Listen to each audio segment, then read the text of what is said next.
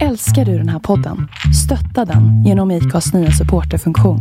Det är helt upp till dig hur mycket du vill bidra med och det finns ingen bindningstid. Klicka på länken i poddbeskrivningen för att visa din uppskattning och stötta podden.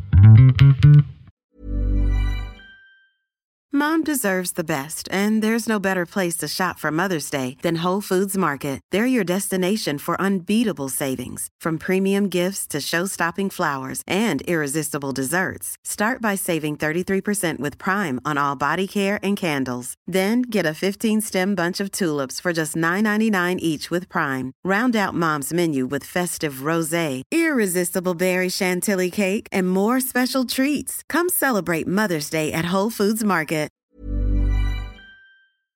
What is the source?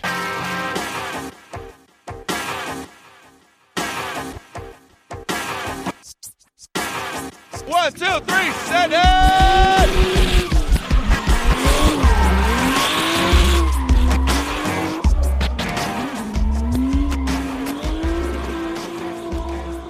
Hej och välkomna till ett nytt avsnitt av Driftpodden. Idag så ska vi prata om tävlingsdrifting och vi ska gå igenom lite olika delar. Till att börja med så tänkte jag att vi skulle prata om en traditionell driftingtävling, hur den går till och gå in ganska på djupet hur eh, en sån tävling genomförs. Sen efter det så tänkte jag att vi skulle prata lite grann om andra tävlingsformer som också finns och eh, lite översiktligt bara berätta om eh, ett par andra varianter i att eh, tävla med en driftingbil. Om man är publik på en driftingtävling så är det ju ganska lätt att följa med i vissa delar av tävlingen. Det är svårare i andra delar och sen är det helt omöjligt i vissa delar. Vem som vinner en battle till exempel, det brukar synas ganska tydligt. Det är oftast en eh, människa med en flagga som pekar på vinnaren och sen så ser man ju givetvis också att den vinnande bilen återkommer ju längre fram i stegen. Vem som vinner hela tävlingen, det brukar också vara ganska givet. Eh, det brukar ofta finnas någon form av prispall och man brukar presentera det ganska tydligt. Men hur fungerar det med resten av resultatlistan? Hur bestäms den? Lite sånt ska vi prata om idag och eh, exemplen då när vi pratar om de här olika delarna av en driftingtävling så kan ni tänka er att det är en eh, deltävling i Swedish Drift Championship i SM-klassen, en 32 bilars stege. Eller någon annan tävling då som går enligt Svenska Bilsportförbundets reglemente. Det första jag tänkte att vi skulle vidröra lite i korthet, det är det här med olika klasser, olika tävlingsklasser. Den första och enklaste klassen när man tävlar, det är Modified. Och eh, RM-klassen, riksmästerskapet, eh, kördes eh, fram till och med 2016 under Modified-reglementet. Och eh, där så får toppfarten på banan aldrig överstiga 80 km i timmen. Det är endast singelkörning och för de här bilarna så rekommenderar man att det finns en säkerhetsbur, men det är inget krav. Nästa steg heter Semipro. Och eh, Sverigekuppen och RM från 2017 och framåt är två exempel på serier som har gått under semipro-reglementet. Där bör toppfarten inte överstiga 80 till 120 km i timmen och då beror det lite grann på banans utformning. Både twin och singelkörning är tillåtet. Och då ska det tydligt in, i inbjudan till tävlingen framgå vilket det är som gäller för just den tävlingen. Och bilarna måste ha en säkerhetsbur enligt Semipro-reglementet. Proint, det är eh, de mest avancerade bilarna och här hittar vi då Swedish Drift Championships SM-klass, eh, Gatubil Drift Series och en del andra. Här finns det ingen hastighetsbegränsning och eh, tävlingarna körs vanligtvis på racingbanor eller på någon större yta, eh, till exempel något flygfält eller liknande. Eh, innan vi går vidare också så ska vi prata lite grann om bedömare och domare. För ibland så förekommer en, en begreppsförvirring inom driftingen med begreppen bedömare och domare. Och det är ju faktiskt olika saker. Bedömare, det är de personer som oftast är tre till antalet, som bedömer körningen. Det är alltså de som sätter poäng på kvalrundor. Det är de som utser vinnare under elimineringen. Domaren däremot, den är utsedd och licensierad av ett förbund, Svenska Bilsportförbundet i allmänhet och för oss i Sverige. Och domaren ser till att alla krav på tävlingen är uppfyllda. Alltså, den ser till att alla funktionärer har rätt typ av licens, att alla tillstånd finns och, och framförallt kanske att tävlingen genomförs på ett sätt som är rättvist för alla deltagare. Och skulle det hända någonting då så är det också domaren som hanterar protester, anmälan till bestraffningar och en del annat sånt. En traditionell driftingtävling den börjar med ett kval. Och I kvalet då kör man ensam längs tävlingsbanan och målet är då att hålla den linje som meddelats på förarmötet före kvalet och att träffa de zoner som finns målade på banan. Samtidigt som man gör det så ska man hålla mycket vinkel och ha bra flyt och mycket attack i sin körning. Gör man det, då får man en bra kvalpoäng. Och vinkeln, den bedöms utifrån att man snabbt kommer till önskad vinkel och då är ju det i relation till hur banan ser ut. Stadig drift, alltså stadig vinkel, vill man ha genom hela banan. Poängavdrag får man om man vinglar eller är ostadig eller om man har fel vinkel utifrån vad det är som är sagt på förarmötet. Linje, det är den väg som bilen ska köra genom banan. Linjen visas på banan med clipping points i innerkurvor och med zon i ytterkurvor. Bilens framdel ska vara så nära en clipping point som möjligt och bilens bakdel ska vara så långt ut i zonerna som möjligt. Zonernas längd kan variera och bilens bakdel ska vara i zonen under så lång sträcka som möjligt för att få en bra poäng. Poängavdrag för att inte följa linjen enligt instruktioner och för att ha missat clipping points och zoner görs utefter hur mycket fel man gjort. Stil är hur man attackerar banan. Från initiering till hur man använder bilens styrning, bromsar, koppling och gas för att köra banan på ett så bra och imponerande sätt som möjligt. Stil är flyt med stadig vinkel genom banan och snabba övergångar från sida till sida, det som vi kallar för transitions. Mycket attack och förmåga att använda bilens rörelseenergi på ett bra sätt är positivt. Fart är en faktor som normalt sett inte bedöms eh, separat inom svensk drifting, men det förekommer. I till exempel British Drift Championship har man kört med en speedtrap där man har mätt hastigheten vid initiering. Då har man satt en målhastighet och så får man en viss poäng för varje miles per hour man eh, legar eh, över och motsvarande avdrag om man har legat under målhastigheten. Och målhastigheten då, den tar man ut genom att man mäter eh, hastigheten under träning och så tar man ut en medelhastighet. Efter sitt kvalåk så får man en poäng av de tre bedömarna. Där 0 är det minsta och 100 är max. I vissa serier där sätter varje bedömare en siffra mellan 1 och 100. Ofta delar man då in banan i tre delar som får 30 poäng var och 10 poäng för det allmänna intrycket. Och eh, det kan man ofta se på om poängen är 0,3 eller 0,7 till exempel. Som det blir när man räknar ut genomsnittet av tre värden. I andra serier, till exempel Swedish Drift Championship och Gatubil Drift Series nu på senare år, då utser man istället en bedömare vardera till de tre områdena linje, vinkel och stil. Där linjebedömaren har 30 poäng att dela ut, vinkelbedömaren också 30 och stilbedömaren 40. Och de ska fördelas på 20 poäng för fluidity, som är flytet i körningen, och 20 för commitment. Commitment är ett lite svårare ord att översätta, men det är lite grann det här med attack. Uh, i hur hårt man kör eller hur mycket attack man har i sin körning.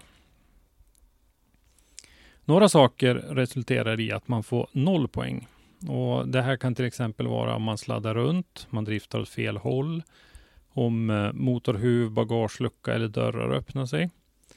Om föraren kommer utanför markerad bana med ett visst antal hjul så betraktas man ha kört av. Eller om bilen slår i en mur så kraftigt att driften abrupt påverkas eller att hastigheten sänks. Då kan man få noll poäng för det också. Om man touchar i en mur däremot utan att driften påverkas, då är det ett plus. Vilka saker man får noll poäng för, det är också en sån sak som meddelas eh, förarna på ett förarmöte som hålls före kvalet. Varje förare får möjlighet till två sådana här kvalåk och det bästa resultatet av de två räknas. Om det bästa resultatet är lika mellan två eller flera förare, då jämför man det, även det sämre resultatet. Och är även det sämre resultatet lika, då är det lite olika vad som används för att särskilja förarna, men bäst poäng i stil är vanligt. Resultaten sammanställs i en lista och man får en kvalplacering. Kvalplaceringen den kommer att ligga till grund för vilken plats man får i elimineringsstegen. Och en sak som är viktig att påpeka här är att oftast så krävs det kvalpoäng för att ta sig vidare till elimineringen.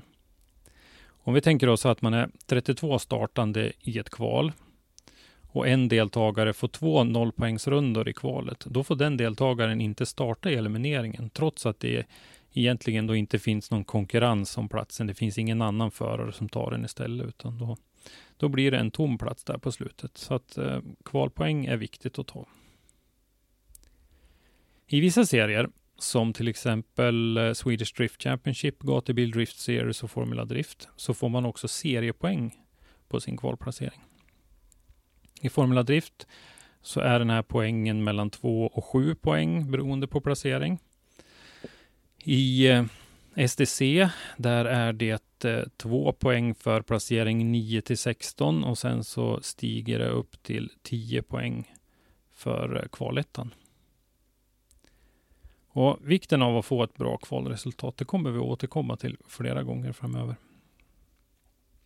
Och ibland så hör man ju att det viktiga är att man tar sig till eliminering. Kvalplaceringen är, kvalplaceringen är inte så viktig.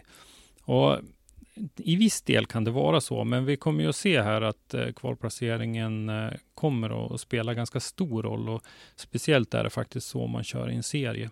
Lite mindre om man kör i en enstaka tävling. Ja, kvalet är färdigkört och eh, vi har ordnat in förarna i en elimineringsstege. Och eh, under elimineringen så kör man antingen twin eller singelrepor beroende på klass. I eh, twin eller tandem eller tsuisu på japanska, ursäkta uttalet, så kör man eh, två bilar samtidigt, en i lead och en i chase. I till exempel SM, Proint och RM Semi Pro så kör man Twin medan man i tävlingar som körs enligt Modified kör Battles en och en. När man kör Battles en och en så bedöms åken mot varandra inom en battle med samma målsättning som man har när man kör sitt kvalåk. Den som bedöms göra det bättre i den battlen går vidare, den andra åker ut.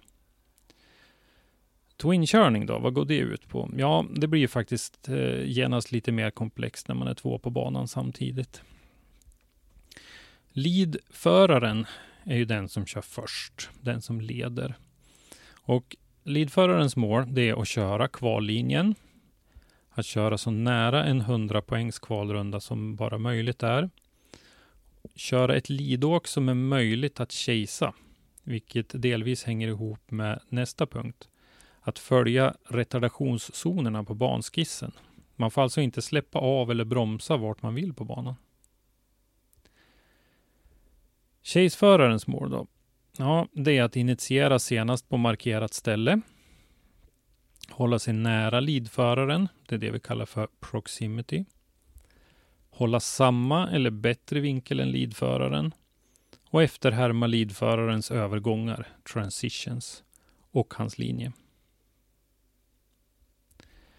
I kompletta åk i en Twin är om man sladdar runt, om man driftar åt fel håll, om motorhuv, bagagelucka eller dörrar öppnar sig. Det är alltså samma som när vi kör kval. Ett osportsligt uppträdande.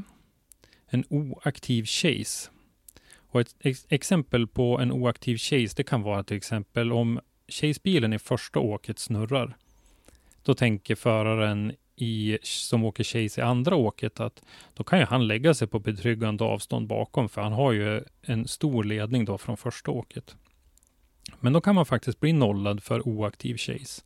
Man ska ligga på, man ska ligga nära ändå. Och den sista punkten är lead som ej går att chasea. Och det kan ju vara om man kör ryckigt, om man inte följer retardationszonerna på banskissen till exempel. Om det är tillräckligt illa, då kan man bli nollad för att man kör en unchaseable lead.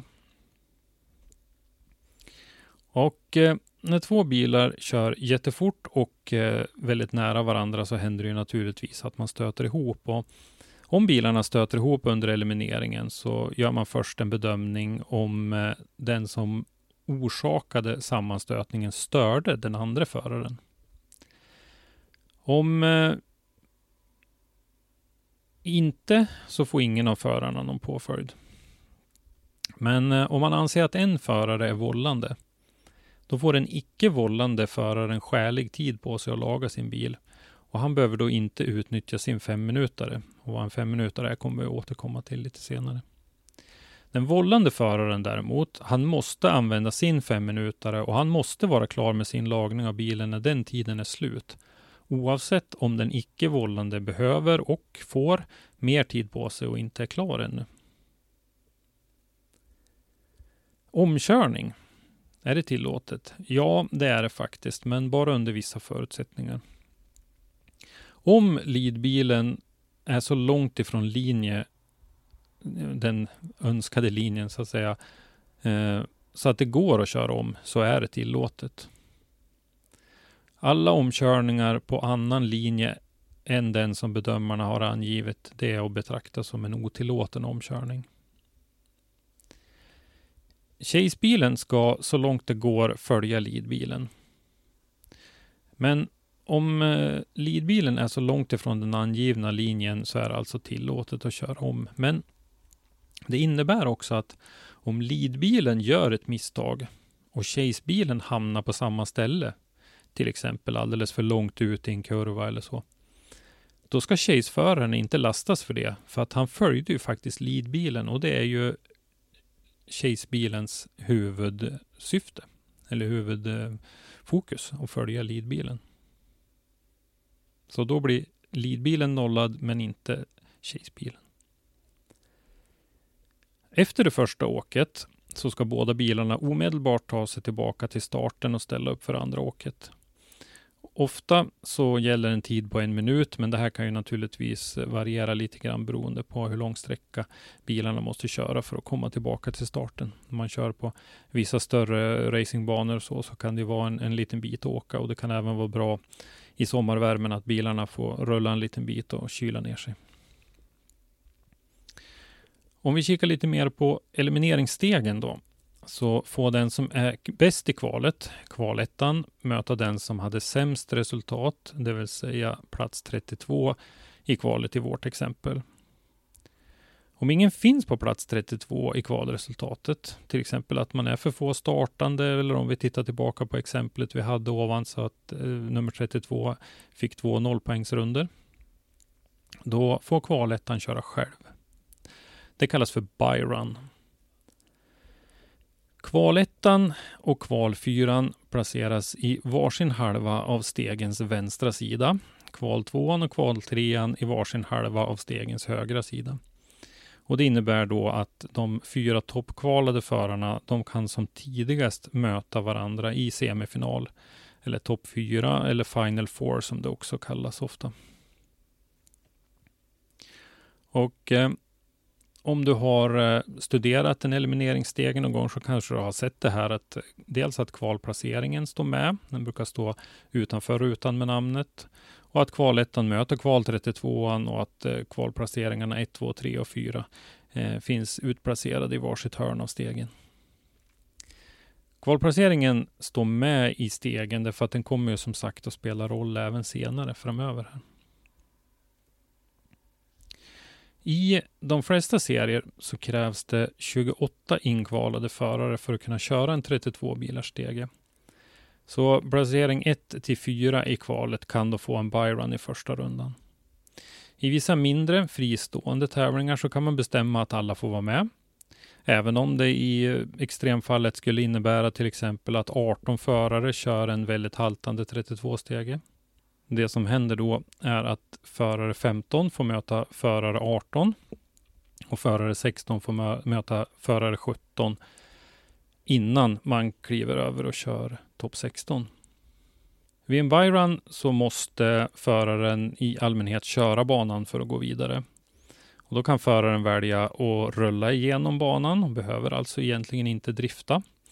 Eh, ofta så tar förarna chansen ändå därför att man får ju ett extra träningsåk i, i den byrunnen. Men skulle man ha något problem med bilen till exempel eller så, så att man inte vill riskera att någonting händer så finns det ingenting som hindrar att man bara rullar igenom.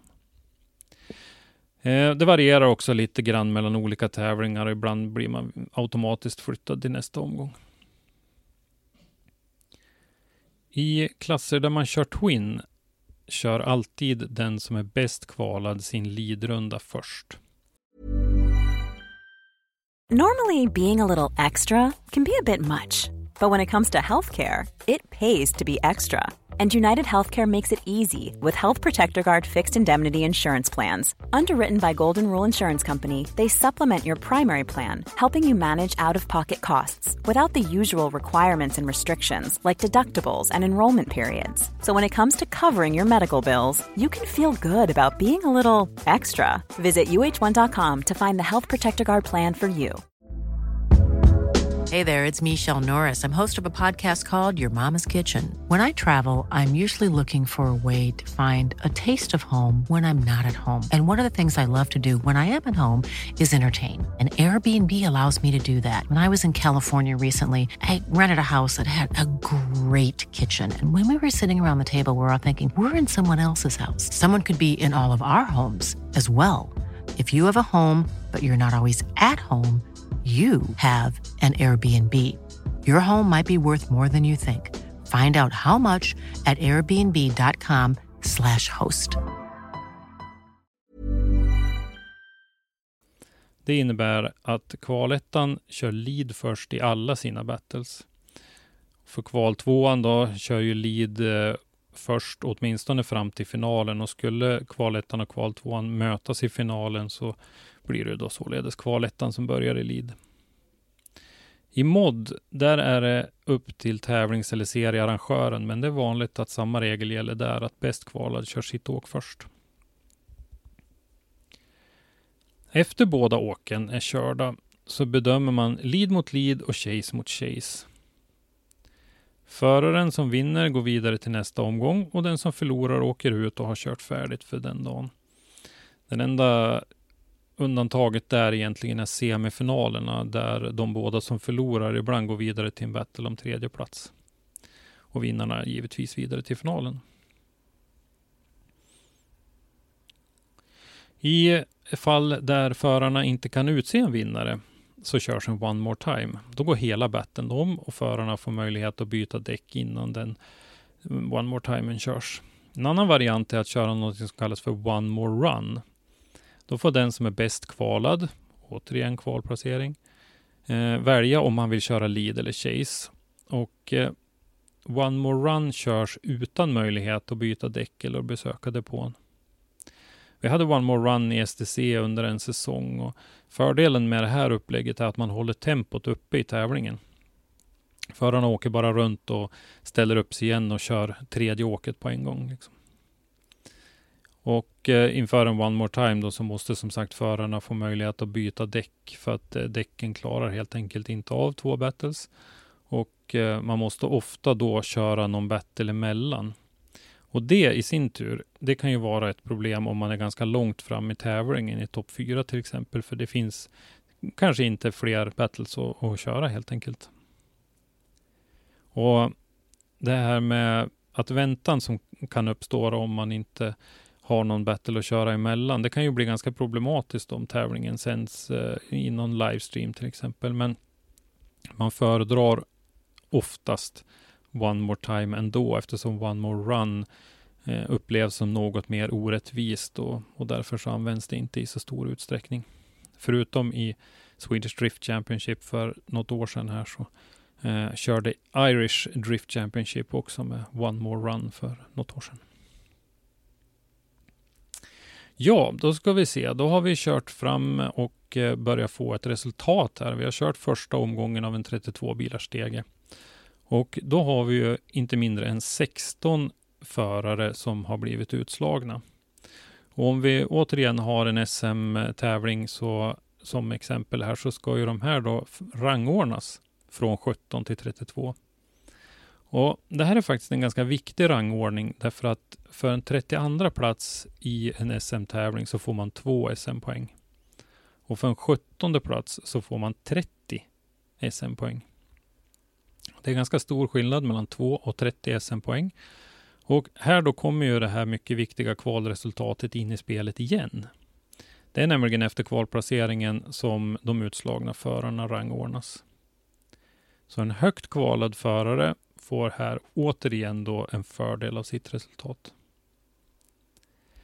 På samma sätt så rangordnas de åtta förare som blir utslagna i topp 16 i platserna 9 till 16. De får då 35 till 66 poäng.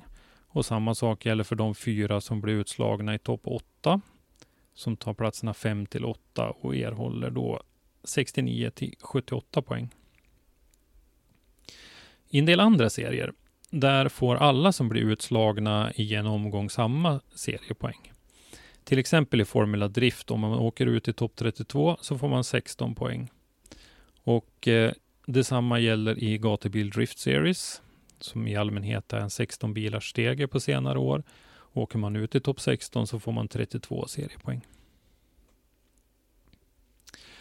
Den som vinner alla sina battles vinner tävlingen och förloraren i finalen blir tvåa. Och för att utse trean då så kör man antingen en battle mellan förlorarna av semifinalerna, som jag sa tidigare, eller så blir det även här en fråga om kvalplacering och att den bäst kvalade av de utslagna i semifinalen blir då trea. Det här kan ha lite grann med tillgång på tid och så att göra, hur, hur man vill ha det och det står i seriebestämmelserna om det ska vara en battle om tredje plats eller inte. I serien, om tävlingen ingår i en serie, så ska ju då seriepoängen sammanräknas och man ska presentera ett eh, serieresultat i någon form av tabell. Och eh, där då så räknar man ihop poängen enligt respektive series eh, tävlingsregler och korar en mästare. Och ofta så innebär det här att alla resultat räknas ihop, men inte alltid. I SM 2017 till exempel, där eh, hade vi ganska många deltävlingar och där fick man då räkna bort en deltävling och den där man hade sämst resultat. Det här är ju naturligtvis lite stökigt att hålla reda på, men samtidigt så öppnar det upp lite grann inför sista deltävlingen och resultatet då blir inte riktigt lika givet eftersom man inte vet riktigt vilket resultat som blir borträknat. Om eh, två förare hamnar på samma poäng i serien så vidtar ofta någon form av särskiljning. Och eh, enligt dagens regler så görs särskiljning på de 32 första placeringarna. Så har det inte alltid varit. Det har ofta varit topp tre placeringarna bara. Om förare innehar samma slutpoäng efter den sista deltävlingen så särskiljs förarna efter högst poäng på sista deltävlingen, sedan näst sista och så vidare tills man har nått en särskiljning. I andra serier kan det vara så att den som har flest segrar får en fördel och därefter flest andra platser och så vidare. Fem minuters regeln pratade vi lite om för en liten stund sedan här och som de allra flesta av er redan känner till så har man ju i de allra flesta serier rätt att under varje tävling eh, ta ut en femminutare eller en competition timeout som det också heter. Och det är en paus där man får eh, fem minuter på sig att eh, till exempel om man har åkt av, kontrollerat bilen är okej okay, eller man kanske till och med hinner med att laga enklare fel. Swedish Drift Championship, Gatubil Drift Series, Formula Drift. Det är exempel på serier där man har fem minuter. Medan man i Drift Masters inte har det. Och när man tar sin fem minuter, då finns det en speciell faktafunktionär. Och han har då ansvar för att ta tid på den här eh, pausen. Och tiden den börjar ticka när man har nått sin depåplats. När de fem minuterna har gått, då ska föraren sitta i bilen. Han ska vara fastspänd. Han ska ha hjälm och handskar på och bilen ska stå på marken. Är det inte så, då betraktar man som att föraren har brutit det, den tävlingen. Och i vissa serier, till exempel Swedish Drift Championship, så gäller att varje gång man eh, utnyttjar den här femminutaren, då får man ett avdrag på fem mästerskapspoäng. Och eh, den regeln tillkom för några år sedan då det förekom ibland att förare mer eller mindre tog ut sina fem minuter enbart för att störa motståndaren. Och eh, nu då när man tappar mästerskapspoäng på att åberopa sin fem minuter så får man göra en bedömning av vad man eventuellt kan tjäna på det och vad man riskerar att förlora på det. Även här då när det gäller fem minuter så är ju det här med tempot i tävlingen ganska viktigt om vi har livestreams eller mycket publik på plats så vill man inte tappa de här minuterna mellan battles. Och I samband med att den här regeln med mästerskapspoängen tillkom, då försvann den begränsningen som fanns förut i svenska reglementet, att man inte fick byta däck eller justera däcktrycket under sin fem minuter. Och efter det så är det många förare som har kränkt av däck under första åket om och man har åkt av eller stött ihop med någon och kunnat lägga på fräscha däck till andra åket. Men som sagt, till en kostnad av fem mästerskapspoäng. Det var eh, en genomgång av eh, en traditionell driftingtävling. Och eh, vi har gått in på alla dess delar och jag hoppas att det är någon där ute som har fått reda på lite nya saker som man inte visste. Naturligtvis så varierar det lite grann mellan olika serier och olika reglementen. Men eh, det vi har tagit upp här har väl varit i huvudsak det som är, är vanligast där ute. Men det är ju så att eh, det finns ju andra sätt att tävla på än, än en traditionell driftingtävling. Jag tänkte att vi skulle lite kort beröra eh, några av dem också. Gymkhana är ett sånt eh, eller en sån tävlingsform. Och eh, gymkanan som begrepp kommer egentligen från början från hästsporten. Och eh, det uppstod i Indien under 1800-talet och var ryttartävlingar som gick ut på att man till exempel skulle ta upp olika föremål från marken. Och syftet med gymkanan var egentligen att skapa en tävling för eh, barn och ungdomar som inte hade råd med en dyr ponny som inte kunde tävla i de klassiska ridsportgrenarna där eh, dyra avelsdjur skulle behövas för att kunna vara konkurrenskraftig. Och som motorsport så är det lite samma sak. Det är ett alternativ där kontroll på bilen och, och snabbhet är, ofta är nycklar. Och en gymkhana består ofta av en bana som ska köras på tid, där bilen ska träffa eller runda olika hinder eller en kombination av de båda. Missar man hinder som ska träffas eller om man träffar ett rundningsmärke som inte ska träffas så får man tidstillägg. Alternativt att man gör tvärtom, att man har en tid och så får man tidsavdrag när man träffar saker som ska träffas och så vidare. Internationellt så är eh, Red Bull Drift Shifters och Gymkhana Grid som har Monster Energy som huvudsponsor stora. Och eh, för att öka underhållningsvärdet ytterligare då, i de stora tävlingarna så kör två stycken eh, förare samtidigt på en spegelvänd bana så att man kan mycket lätt följa med vem som ligger före och eh, eh, vem som går först i mål så att säga. Och i Sverige så har vi haft en stor och väldigt framgångsrik gymkhana-tävling som arrangerats eh, fyra gånger i Östersund, Gymkhana Drift. De två senaste gångerna så arrangerades den på Östersunds eh, skidstadion inför en jättepublik. Vallåkraträffen, ett annat ställe där eh, man varje år arrangerar Däckia Gymkhana Challenge. Och eh, nu på senare år så har det även varit en gymkhana-tävling på Gatubils sommarfestival på Mantorp Park i juni. Ett annat sätt att tävla är brejslad eller superslide. Och eh, superslide är en tävlingsform som är friare än eh, alla de andra. Friare än traditionell drifting och friare än egentligen alla andra tävlingsformer. Och här går det ut på att imponera på bedömarna så gott man kan. Det ska vara mycket rök, mycket attack, mycket vinkel, fritt val av linje och har man något eh, S i rockärmen så är det fritt fram och rycka fram det.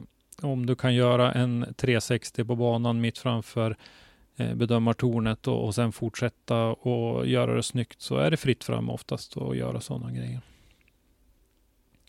En av de stora tjusningarna med just Brejsladstävlingarna är att det oftast inte finns någon klassindelning. Man ställer sig i kö och man är med och kör kvalet och då spelar det ingen roll om man är formlad Driftmästare eller en frikörare som är på gatubil Rudskogen för första gången till exempel. Och just det här att få chansen att hävda sig mot etablerade förare, det är någonting som gör att det sällan saknas commitment i körningen. Utan eh, att eh, problemet snarare är det omvända med eh, förare som kan vara lite övertända istället. Brejslads tävlingar körs på gatubilsevent på Rudskogen i Norge, på Mantorp Park i Sverige och eh, det arrangeras även bland annat av Hultsfreds motorklubb. SHR och Sundsvall arrangerade en eh, Superslide-tävling i samband med Cash Grab Drift Days eh, hösten 2020. En relativt ny tävlingsform är Close Calls. Och så här långt när det här avsnittet spelas in så har endast en tävling körts enligt det här nya konceptet. Och det var Close Calls Royal som kördes på GTR Motorpark i maj 2019. Och eh, det som är unikt med Close Calls är att det är en tävlingsform som helt bygger på twinkörning. Man kör alltså inget kval som singelåk som man gör i en traditionell tävling, utan istället så delas förarna upp i grupper. I eh, Close Calls Royale var det sex förare i varje grupp och det var sex grupper. Inom gruppen så möter alla varandra en gång. Den som har vunnit flest battles går vidare till en finalgrupp där alla också möter varandra en gång. Och det här ger väldigt mycket twinkörning till alla som deltar, även om man inte går vidare ur sin grupp. Eh, eftersom den här tävlingsformen är ganska ny så är den fortfarande under utveckling och jag vet att inför säsongen 2020 så var det tänkt att den skulle vidareutvecklas till de tävlingarna som var planerade att hållas under säsongen men som inte blev av på grund av eh, covid-19. Den sista varianten som jag tänkte ta upp det är Team Drift eller Super 3 som den heter på gatubilspråk. Och det är ju en tävlingsform där man kör tillsammans istället för mot varandra. Eh, Super 3-tävlingen på gatubil Rudskogen, det är väl den som de flesta av oss känner igen. Det är ju ett exempel på en Team Drift-tävling. Och där är man ju i lag om tre bilar som ska köra bra och med jämnt avstånd till varandra. Borde teamdrift ingå i bedömningen i en tävling? Ja, det var faktiskt en fråga som den australiensiske bedömaren Stewie Bryant ställde i ett inlägg på Facebook i september 2018 som vi faktiskt eh, publicerade med tillstånd av Stewie. Och jag tänkte läsa upp det här för det innehåller lite intressant argumentation som jag tycker att man kan ta till sig och fundera på. Jag ska nu förklara varför jag tycker att lägga till teamdrift som en del av en tävling är viktigt. Jag känner många människor som tror att det enda sättet att ta reda på en förares skicklighet är att låta föraren kvala ensam och sen låta den ta plats i en elimineringsstege, vilken i slutet av dagen spottar ut den bästa föraren för dagen. Som en man som har bedömt många olika former av tävlingar ska jag berätta varför det helt enkelt inte är så. En bra förare är någon som inte bara kan drifta bra mot någon, utan någon som kan drifta bra med andra.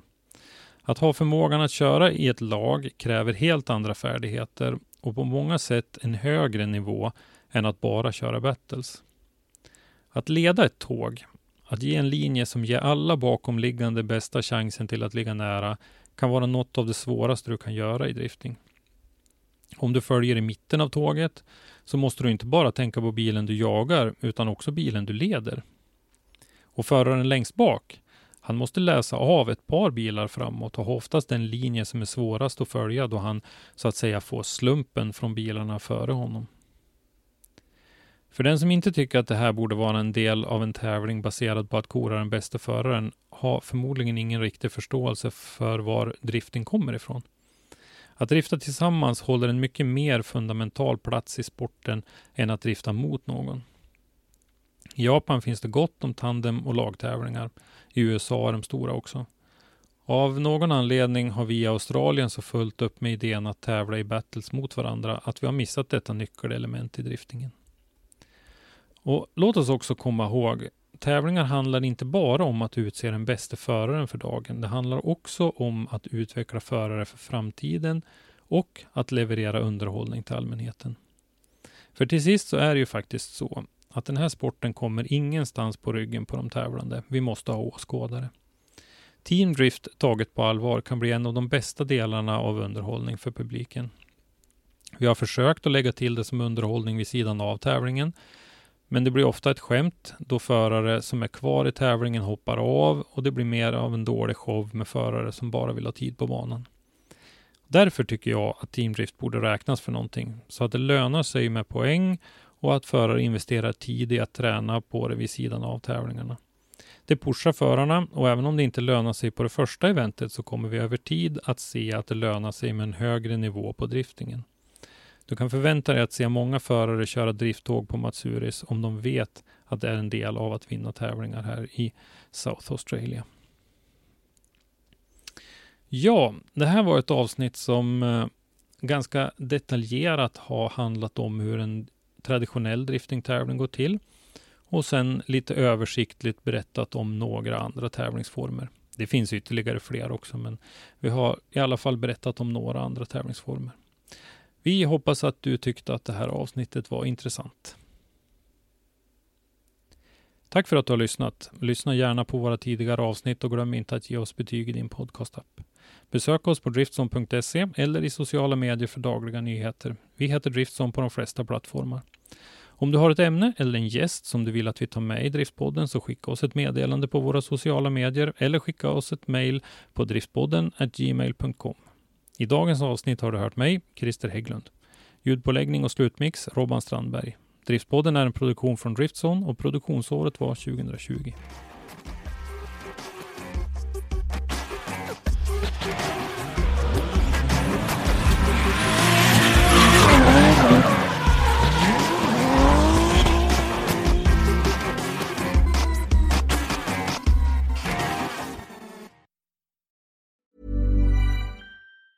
Mom deserves the best, and there's no better place to shop for Mother's Day than Whole Foods Market. They're your destination for unbeatable savings, from premium gifts to show-stopping flowers and irresistible desserts. Start by saving 33% with Prime on all body care and candles. Then get a 15-stem bunch of tulips for just $9.99 each with Prime. Round out Mom's menu with festive rosé, irresistible berry chantilly cake, and more special treats. Come celebrate Mother's Day at Whole Foods Market.